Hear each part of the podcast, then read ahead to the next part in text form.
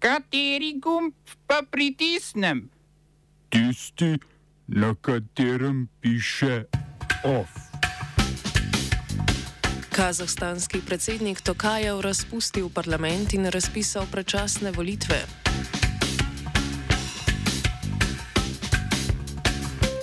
Združene države Amerike Ukrajino pošiljajo za več kot 2 milijardi evrov vojaške opreme. Parlamentarni odbor za finance zavrnil novelo zakona o Fursu. Za glasovali le poslanci Gibanja Svoboda.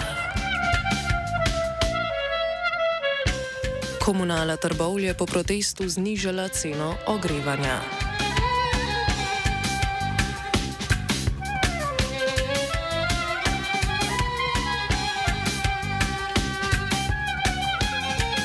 Kazahstanski predsednik Kasim Žomart Tokajev je razpustil parlament in sklical predčasne volitve.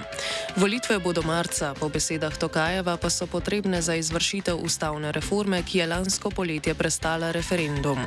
V skladu z reformo volilnega sistema bodo poslanci izvoljeni po mešanici večinskega in proporcionalnega volilnega sistema. Reforma je poleg tega znižala število članov potrebnih za registracijo politične stranke. Od reforme sta nastali dve novi stranki, skupno pa je v Kazahstanu pred parlamentarnimi volitvami sedem strank.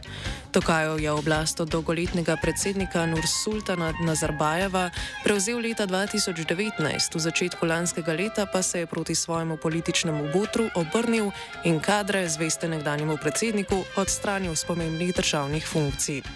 Na predsedniških volitvah lanskega novembra je Tokajo zmagal z več kot 80 odstotki prejetih glasov. Pretekli teden so v Kazahstanu že izvedli volitve v zgornji dom parlamenta, volilni kvorum pa je bil izpolnjen 45 30 minut po odprtju volišč.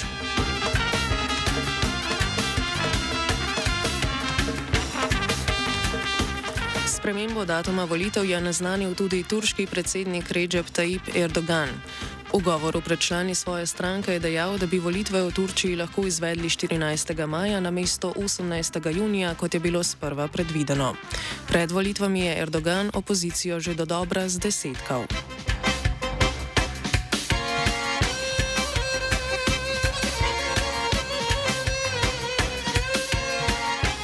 Pentagon bo v Ukrajino poslal svežen vojaške opreme v vrednosti 2,3 milijarde evrov. Paket vojaške pomoči vključuje streljivo, raketne sisteme in številna vojaška vozila, vendar ne vključuje tankov. Nemški kancler Olaf Scholz se je zavezal k temu, da bo Nemčija v Ukrajino poslala svoje tanke Leopard 2 pod pogojem, da ZDA storijo enako. V Pentagonu trdijo, da ameriški tanki Abrams ukrajinski vojski ne bi koristili, ker bi predstavljali preveliko logistično breme v primerjavi z nemškimi tanki, ki so po njihovem mnenju lažje na voljo.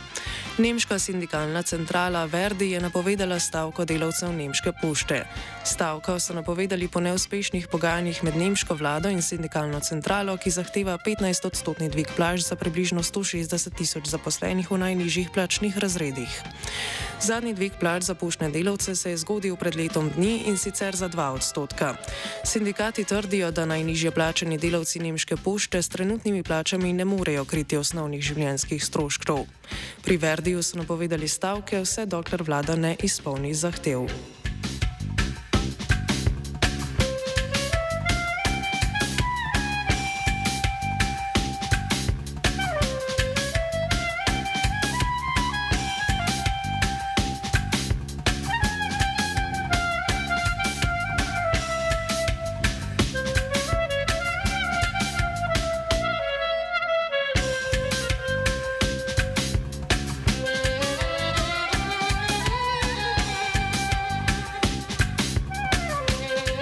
Direktor Fox Corporationa Rupert Murdoch je bil poklican na zaslišanje pred okrajno sodišče v Los Angelesu zaradi namernega širjanja lažnih novic o volilnih goljofijah na ameriških predsedniških volitvah.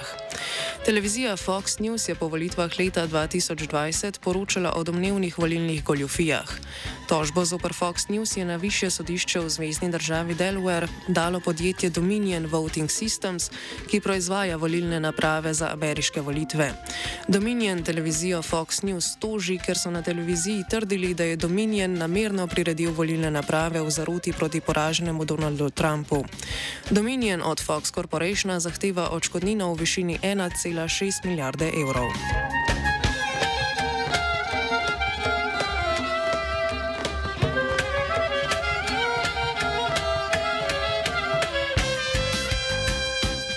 Predsednik Sierra Leone Julius Maada Bio je podpisal zakon o enakosti spolov in opolnomočenju žensk. Cilj zakona je odprava neenakosti med spoloma. Po zakonu bo vsaj 30 odstotkov vseh zaposlenih v javnem in zasebnem sektorju moralo biti žensk. Enaka kvota bo veljala tudi v parlamentu. Zakon uvaja tudi 14 tednov porodniške odsotnosti, enako plačilo in enake možnosti usposabljanja za ženske smo se osamosvojili, nismo se pa osvobodili. Naslednje število je še 500 projektov.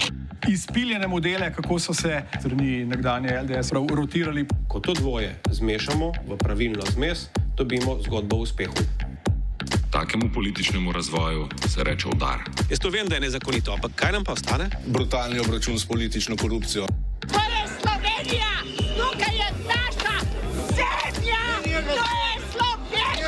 Come in here!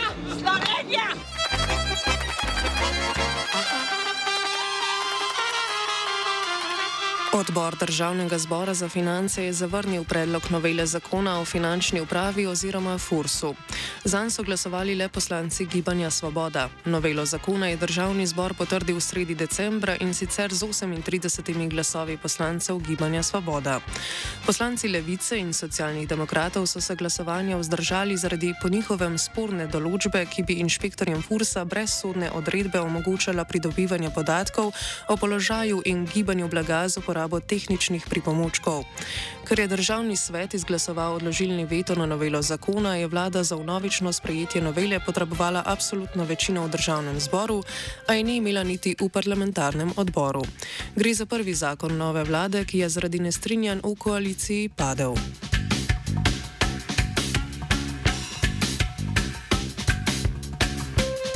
Iz Gibanja Svoboda je medtem izstopil nekdani minister in poslanec stranke Alenke Bratušek Marko Bandeli. Iz stranke je izstopil, ker naj bi mu bilo onemogočeno uveljavljanje pravic in dolžnosti, te pa bodo odslej poskušal uveljavljati v demokratični stranki upokojencev Slovenije.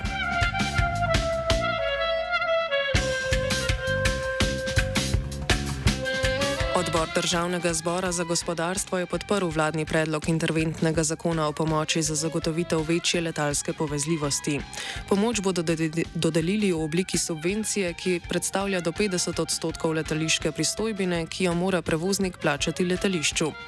Pozive k ustanovitvi nacionalnega letalskega prevoznika so poslanci večinoma označili kot slabo rešitev. Skupna vrednost pomoči je 5,6 milijona evrov letno, še prej pa mora ukrep odobriti Evropska komisija.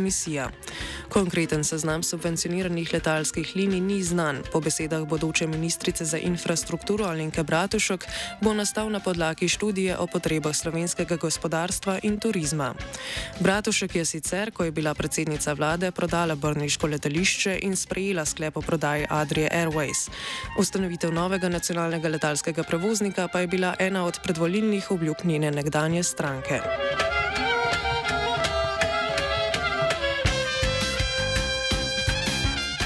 Komunala Trbovlja je po sredinem protestu občanov sprejela ukrepe za blažitev energetske draginje. Prvi ukrep je 15-odstotni popust na ceno variabilnega dela ogrevanja, ki bo upoštevan za trboveljske gospodinstva, priključena na daljinsko ogrevanje. Drugi ukrep je nadaljna pocenitev toplote, ki bo prišla v veljavo februarja, ko bodo ceno za megavatno uro brez davka znižali z 159 na 129 evrov.